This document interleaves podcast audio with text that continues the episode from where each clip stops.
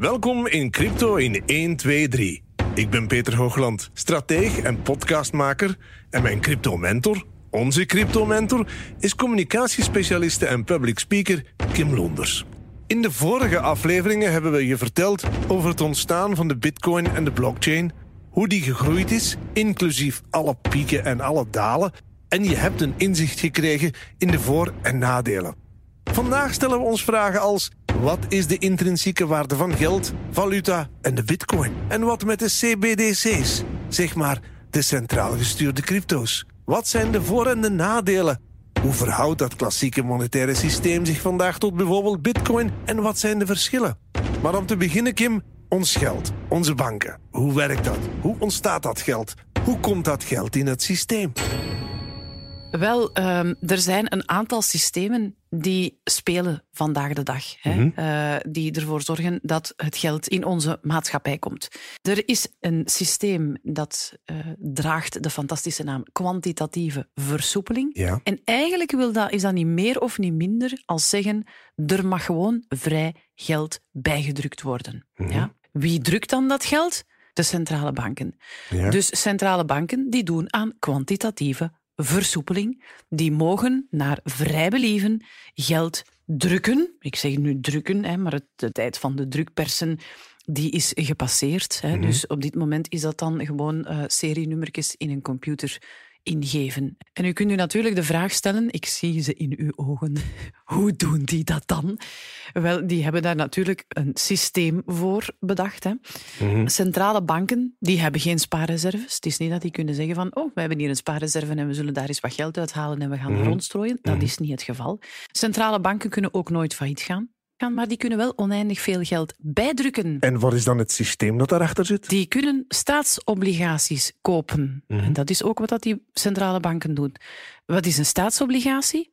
Een staatsobligatie, dat is een stukje papier, bij wijze van spreken, dat door een staat wordt opgemaakt. Bijvoorbeeld een stukje papier waarop mm -hmm. staat, dit is een stukje papier ter waarde van 10 miljoen euro.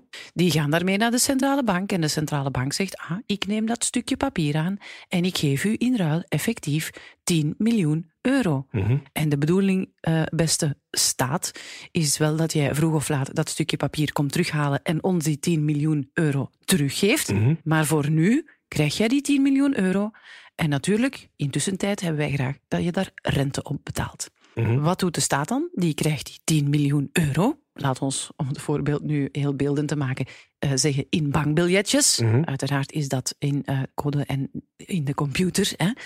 Die gaat daarmee naar een bank. En de bank die steekt dat in zijn reserve. En die commerciële banken die moeten daar een aantal dingen mee doen. En die hebben ook een bepaalde manier van handelen, werken. Die commerciële banken die doen aan fractioneel bankieren. En fractioneel, de term zegt het zelf al, ze moeten ervoor zorgen dat er een stukje van hetgeen wat dat zij, uh, ja. van de centjes die zij ontvangen, dat dat in de reserve gaat. Mm -hmm. Stel, de staat komt met 10 miljoen bij, de, uh, bij een commerciële bank en zegt, ik wil dat hier parkeren, mm -hmm. dan is het helemaal oké okay dat de bank zegt, oké, okay, 10% houden wij in reserve en de andere 90% mogen wij terug uitlenen. Mm -hmm. Het is eigenlijk nog straffer als dat, hè? Want wat gaat de bank zeggen? Weet je wat? Wij gaan die 10 miljoen die gaan wij aanzien als 10%. En we gaan 90% creëren en dat gaan wij terug uitlenen. Mm -hmm. Want de regel achter fractioneel bankieren zegt 10% moet er in een reserve zitten van een bank voor 90% geld dat er wordt gecreëerd. Aan leningen, want dat is de manier waarop dat banken geld creëren. Dat is iets wat we, om het dan af te zetten tegen het crypto-ecosysteem, daar niet kunnen. Nee, want eigenlijk, hè, Peter, zijn dit twee technieken. De techniek van um, kwantitatieve versoepeling en van fractioneel bankieren zijn twee technieken uit het monetaire systeem. Die worden gebruikt door een centrale instantie. Mm -hmm. Bij Bitcoin zijn er geen centrale instanties. Bitcoin mm -hmm. is een decentraal gegeven, een decentraal netwerk. Dus daar ga je ook sowieso deze systemen niet tegenkomen. De centrale bank kan gewoon geld creëren uit het niets door staatsobligaties te kopen. Mm -hmm. Dat is het privilege van de centrale bank, die als taak heeft om de stabiliteit te voorzien van Mhm. mm -hmm. het geld binnen een bepaalde staat, binnen een bepaald gebied. Ja. Ja. Een tweede gegeven is dat fractioneel bankieren, waar ook geld wordt gecreëerd. Hè? 10% moet in de reserve en 90% kan weer worden gecreëerd. Dus dit zijn twee manieren waarop eindeloos geld kan worden gecreëerd. Naar quasi vrij believen. Bij Bitcoin is dat niet het geval. Daar ligt van in het begin in de open source software vast dat er ooit 21 miljoen bitcoins zullen circuleren. Niet meer of niet minder. Trouwens, sinds 1 april, en dat is geen aprilgrap, zijn er 19 miljoen in omloop. Voor we verder het monetaire systeem zoals we dat vandaag kennen afzetten tegenover de crypto-eco-wereld, moeten we toch een beter begrip hebben van het ontstaan van ons monetair systeem. Kim, naar waar moeten we dan terug om te begrijpen waarom we staan waar we vandaag staan? Ik neem u mee naar 1944. En waarom naar 1944? Wel, voor 1944 uh, waren er natuurlijk de twee wereldoorlogen. Voor die twee wereldoorlogen ehm, hielden munten vast aan een goudstandaard. Maar dat wou dus zeggen dat elke munt een bepaalde waarde had in goud. Ook al ging het over een briefje, hè, dat bankbiljet moet ik zeggen, dat kon worden ingeruild tegen een bepaalde hoeveelheid goud. Tijdens de oorlog heeft men dat losgelaten. Waarom? Omdat oorlogen kosten geld en er moest geld bijgedrukt.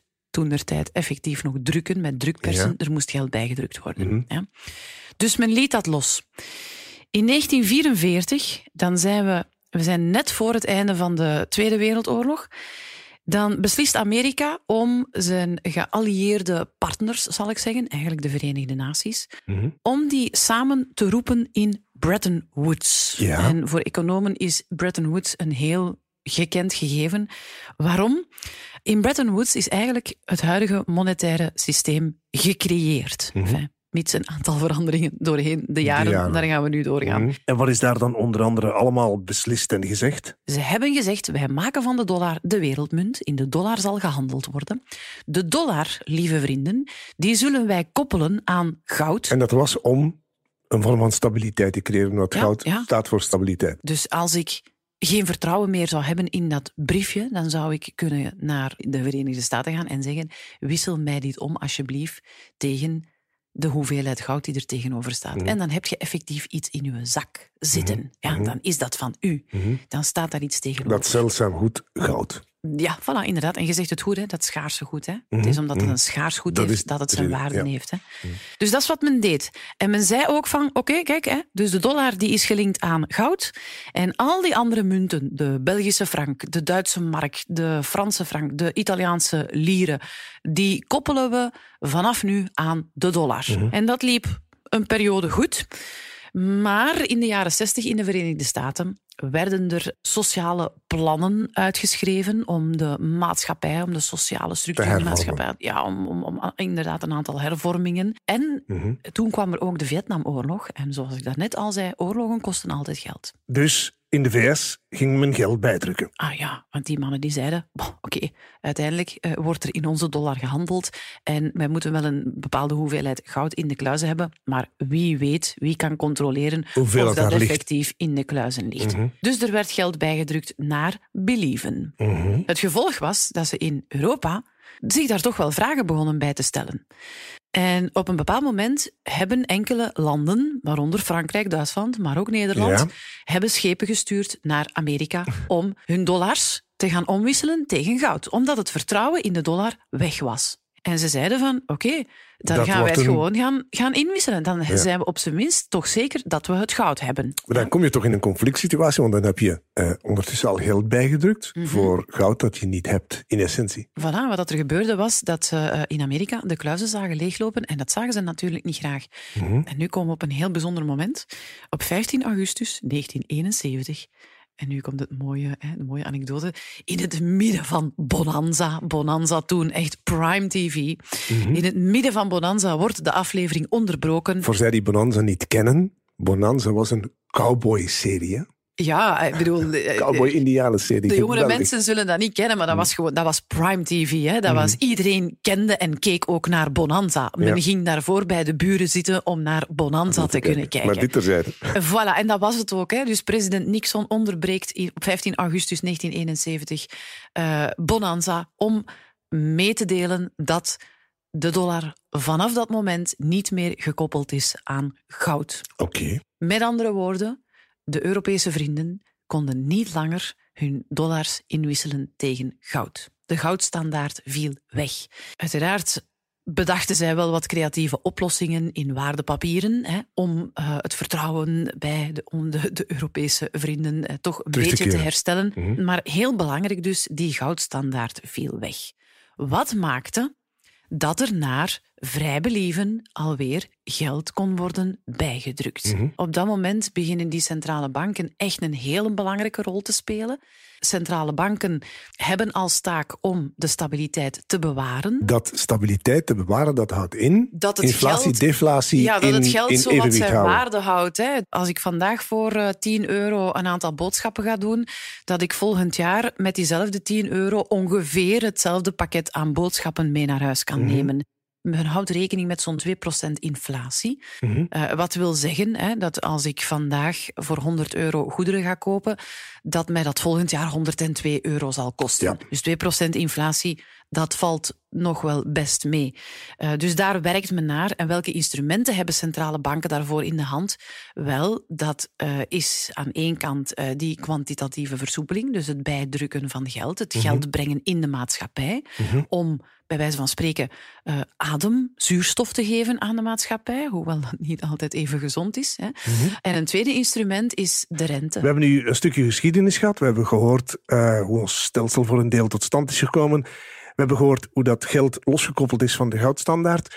Maar dat heeft ook wel wat gevolgen gehad. En een van die gevolgen is bijvoorbeeld onder andere de financiële crisis in 2008. Plotseling. Maar zo plotseling is dat dan weer al niet. Die kredietcrisis die is er niet zomaar gekomen, hè. daar is iets aan vooraf gegaan. En men spreekt dan, men wijst dan heel vaak naar 9-11, de crash in de Twin Towers. En men zegt dan vaak van ja, hè, 9-11 heeft gezorgd voor een recessie. Ja, oké, maar uiteindelijk, voor 2008, is er geld bijgedrukt om de recessie tegen te gaan. De rente is eh, naar beneden gehaald. Met andere woorden, wat doe jij als je veel geld hebt? En als de rente heel laag is, ga je dat dan op je spaarboekje zetten? Dan ga je kopen en Dan ga, investeren. je, ja, dan ga je oplossingen zoeken. En een oplossing, een slimme oplossing, is altijd vastgoed. Ja. Dus wat gebeurde er? Veel mensen wilden huizen. Veel vraag wil zeggen, de prijs gaat omhoog. Mhm. Dus de prijzen werden eigenlijk gek hoog op dat moment. Maar er was ook een lage rente. Mhm. En men wou dat de economie groeide.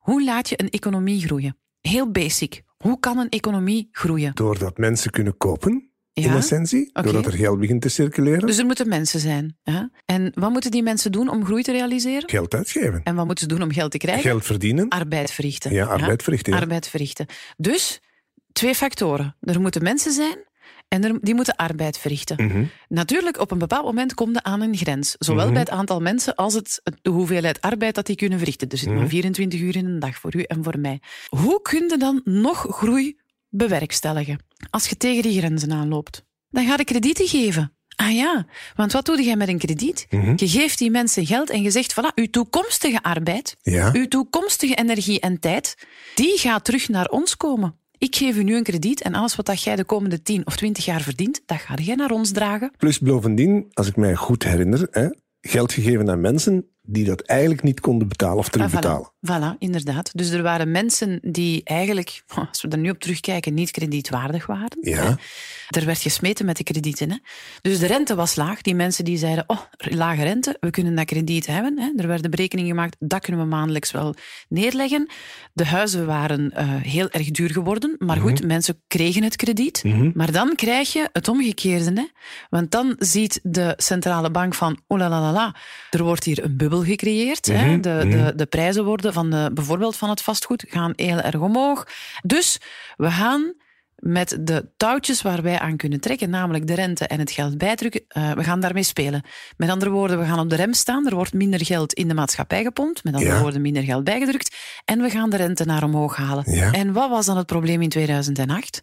De rente ging naar omhoog. Heel veel mensen waren kredieten aangegaan met een variabele rentevoet. En dan begint op dat moment ja, hun lening, hun krediet niet meer afbetalen. Ja. De bank werd dan eigenaar van die woning. Dus je hebt dan al het menselijk leed al. Met een woning die te hoog getaxeerd is of te Voilà, hoog. inderdaad, een woning die eigenlijk niet de waarde had van het krediet die zij gegeven Gegeven. hadden. Wat kreeg je dan onderling? Dat tussen banken onderling, want banken, Ja. banken lenen aan Van- en van elkaar, Ja. dat het vertrouwen wegviel. Ja, om- Dan is heel de miserie begonnen. Hè? Als ik dit nu hoor en ik zet de twee systemen een beetje in mijn hoofd naast elkaar met alles wat we al gehoord hebben in de vorige afleveringen ook, en dan nu het monetaire systeem wat dichter bekeken versus het crypto-ecosysteem, dan zijn er twee woorden die zeer belangrijk zijn, denk ik. Hè? Centraal is hier het kernwoord. Centraal en decentraal.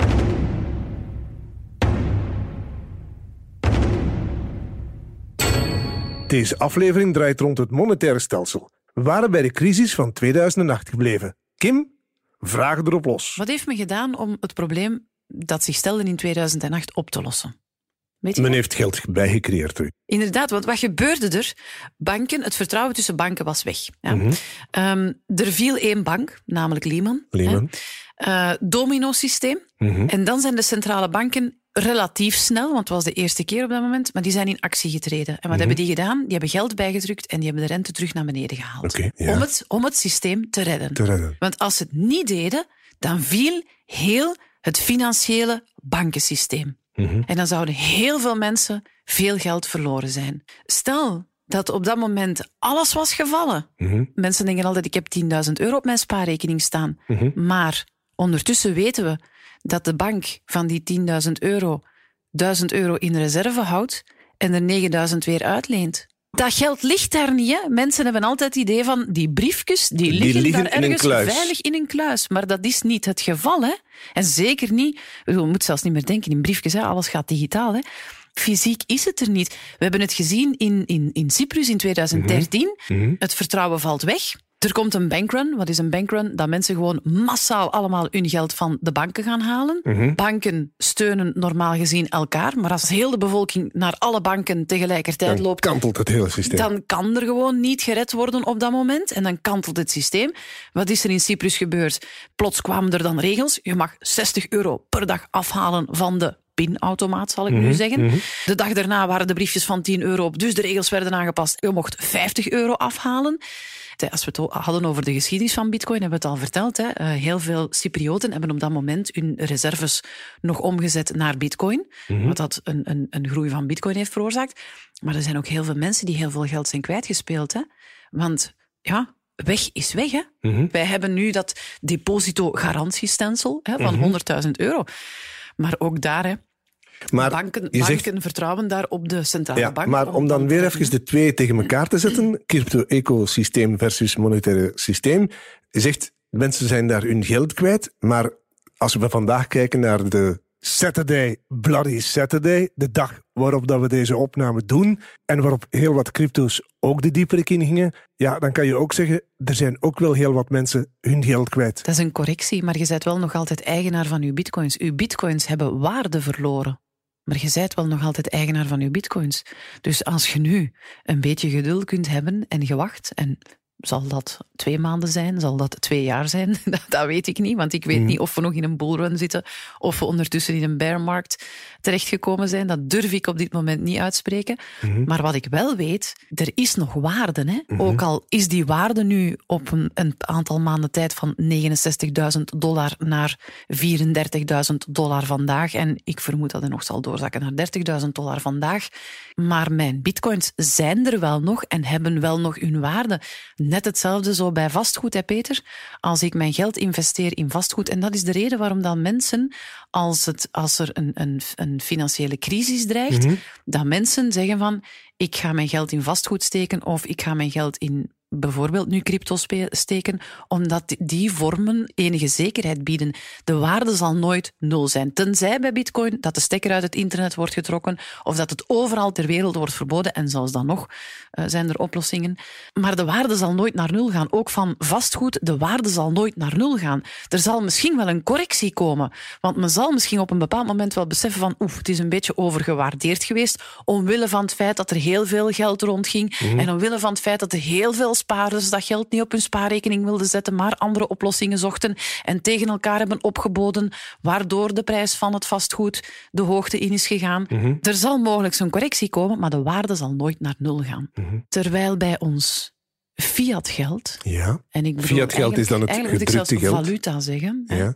Fiat geld is zowel het papieren geld, de bankbriefjes, als het digitale geld. Maar fiat geld, om dat even te duiden, is geld wat niet gekoppeld is aan iets van waarde. Met andere woorden, op 15 augustus 1971 werd de dollar losgekoppeld van goud. Onze munten die waren op dat moment ook gekoppeld aan de dollar. Aangezien de dollar losgekoppeld werd van goud, werden onze munten ook losgekoppeld. En vanaf die dag spreken we van fiat geld. Want fiat wil zeggen, ik geef mijn akkoord. Met andere woorden, ik vertrouw erop dat dit geld iets waard is. Daarom dat ik zeg, er is een verschil tussen geld en valuta. Dat is nu maar een kleintje. Hè. Maar geld heeft een intrinsieke waarde. Een gouden munt, dat is geld. Omdat dat goud, dat heeft een intrinsieke waarde. Er zijn dus een aantal kenmerken voor geld, maar zet ze er rij, Kim. Ja, een aantal typische kenmerken die geld heeft. Hè. Bijvoorbeeld, het is iets wat herkenbaar moet zijn voor iedereen. Het moet iets schaars zijn. Het mag niet eenvoudig te produceren zijn. Hè, want anders verliest het zijn, verliezen mensen hun geloof erin. Ehm, er moet vertrouwen zijn. Het moet iets zijn wat niet kan bederven of niet kapot gemaakt kan worden. Het moet iets zijn wat eenvoudig te vervoeren is. Dus het kan geen koe zijn. Hè. Vandaar dat men van koeien en varkens is overgestapt op eerst zout, schelpen en later op edelmetalen zoals goud. Hè. Het moet ook makkelijk te verdelen zijn. Goud is makkelijk te verdelen, in kleine wisselstukken, bij wijze van spreken. Het moet uitwisselbaar zijn, dus het moet min of meer een gelijke vorm hebben. Hè. Goud werd in gouden munten gegoten en op dat moment werd het echt geld met een waarde. En het moet bestand zijn, moet ik zeggen, tegen censuur. Het kan niet zomaar afgeschaft worden. En men heeft dat geprobeerd met goud. Hè. Men heeft op een bepaald moment, enfin, bepaalde momenten in die geschiedenis, heeft men gezegd, je moet al uw goud inleveren. Ja. En er waren mensen die dat dan braaf gedaan hebben, maar er zijn evenveel mensen geweest die gezegd hebben, ik begraaf mijn goud hier op een plekje waarvan dat ik weet dat het hier begraven ligt. En van zodra dat het weer kan, kom ik het hier weer opgraven. Geld heeft een intrinsieke waarde. Valuta zijn de, de, de bankbriefjes, bij wijze van spreken, maar ook evengoed de digitale eh, bankbriefjes. Dat zijn valuta. Maar laten, ik, ga, ik ga eerst nog eens even ingaan op de intrinsieke waarde van, van ons, ons fiatgeld. Hè. Wat is de intrinsieke waarde, Peter, van, een, van ons fiatgeld op dit moment? Een bankbriefje. Stel een briefje van 5 euro. Eh, als ik het goed begrepen heb, het, het papierken op zich zeker. Ja, en wat is de waarde van het papier? Ja, niet veel dan, vermoed ik. Hè? Nee. De kost om het te drukken, bij wijze van spreken, en het materiaal. En dat is, dat is de Is reden dan waarom dat we nu spreken over fiatgeld. Hè? Want wij vertrouwen erop Ja. dat die 5 euro, dat ik daar voor 5 euro goederen mee kan kopen. En dat is eigenlijk een consensus die wij maken onder elkaar.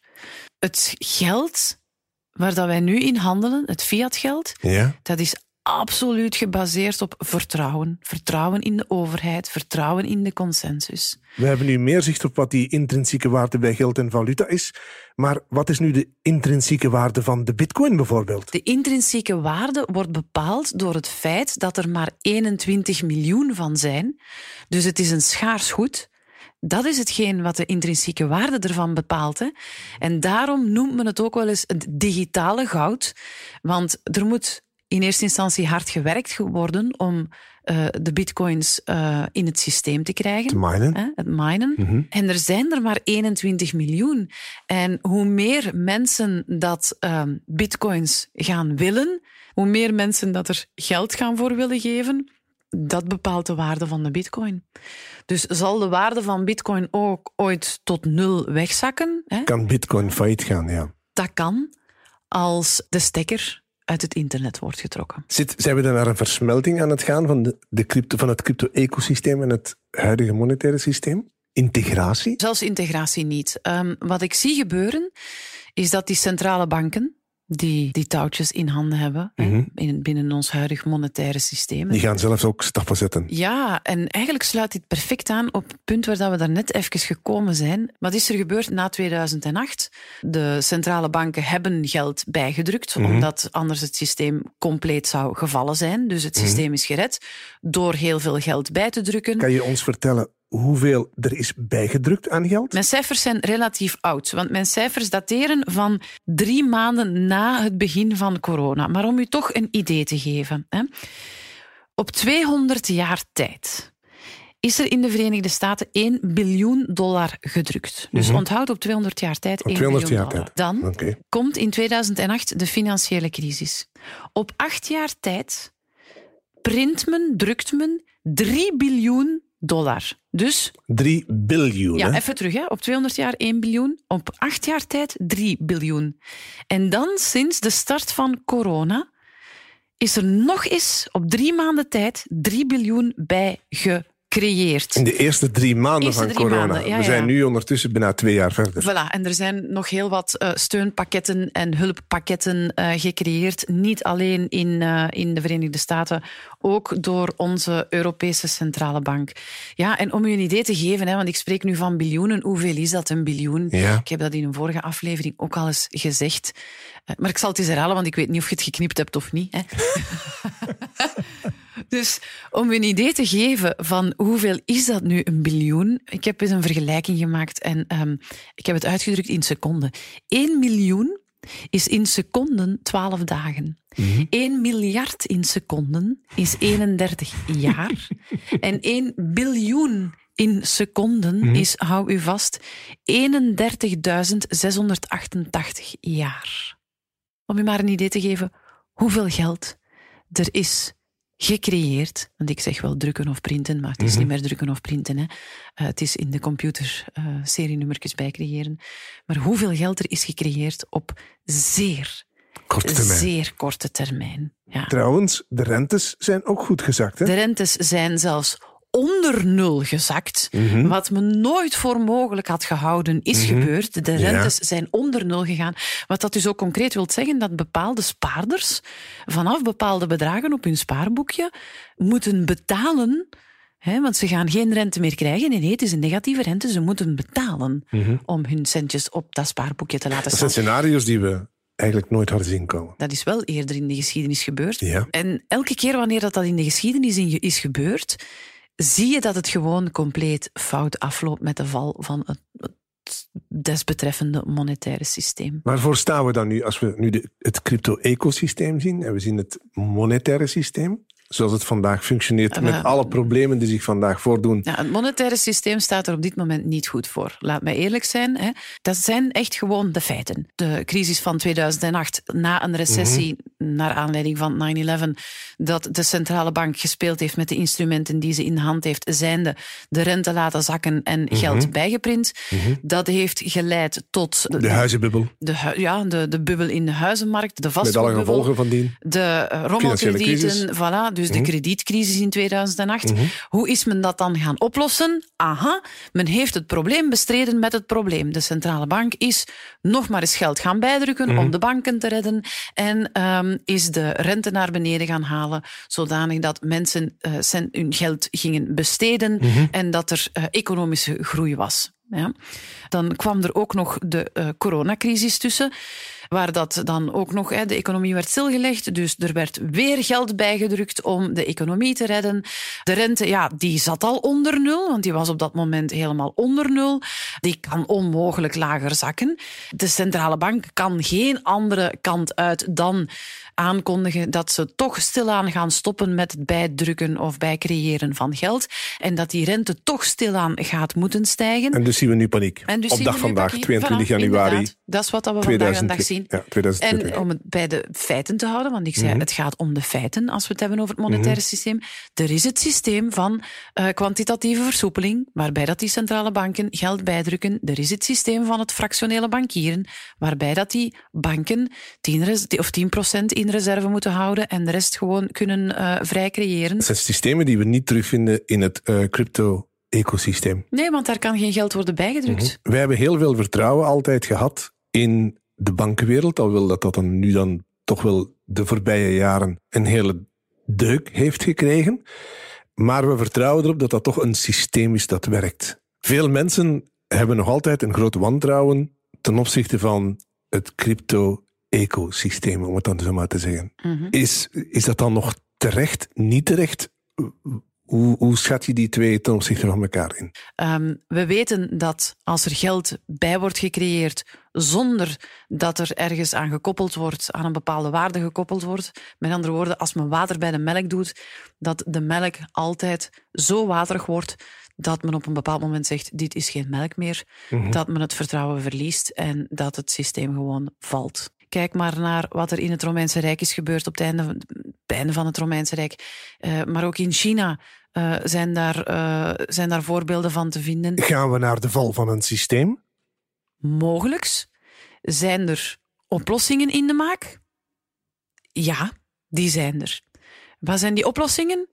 Wel, die centrale banken die kijken nu al sinds 2009 op cryptovaluta en op bitcoin. En die hebben gezien dat daar toch wel dingen in zijn die interessant zijn. Mhm. En die hebben ondertussen ook gezien dat die bitcoin niet meer gaat verdwijnen. Mhm. Die bitcoin die is ondertussen gekocht door grote bedrijven, Mhm. door overheden, door Opgenomen grote in boekhoudingen, Voilà. ondernemingen, Voilà. overheden. Die blockchain, die is er. En die blockchain-technologie, die Mhm. is er en die gaat niet meer verdwijnen. Maar wat is dan hun alternatief? Is dan hun eigen, Ze hebben heel goed hun gekeken... eigen bitcoin creëren, maar dan Voilà. gecentraliseerd gestuurd? Ja, en dat is meteen het grote heikele punt. Hè. Dus centrale banken hebben gezegd, oké, wij gaan ook met zo'n een digital currencies gaan werken, omdat uiteindelijk werken ze nu al met digitale munten, Mhm. maar die blockchain-technologie die gaan ze ook gaan adopteren, moet Ja. ik zeggen. Mhm. En je ziet nu dat centrale banken overal ter wereld met die CBDC's Mhm. bezig zijn.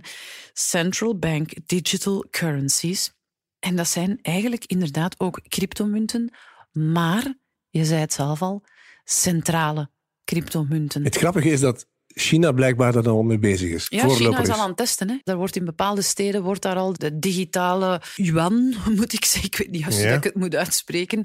Maar dus in, in China wordt inderdaad eh, die CBDC al getest. In Europa is men daar hard aan aan het werken. In de Bahamas is er ook al een CBDC. Dus er Mhm. zijn al landen ter wereld waar er al central bank digital currencies zijn. Ja. Dus met andere woorden, waar de commerciële banken worden overgeslagen en waar het, het geld gewoon door de centrale bank wordt eh, aangeleverd. Hoe gaat dat dan in zijn werk gaan? Men wil vanuit de centrale bank mensen een wallet geven, een portemonnee geven. Ja. En men wil daar dan die central bank digital currencies in gaan storten. Eigenlijk, hè, want er is al ook weer een hele tijd sprake over het universeel basisinkomen. Mhm. Zie dit mogelijk als een universeel basisinkomen. Hè? Mhm. Mensen gaan die CBDC's ontvangen en mensen gaan daarmee kunnen dingen aankopen. Mhm. Maar je zit hier met dat centrale gegeven, die controle. Hè?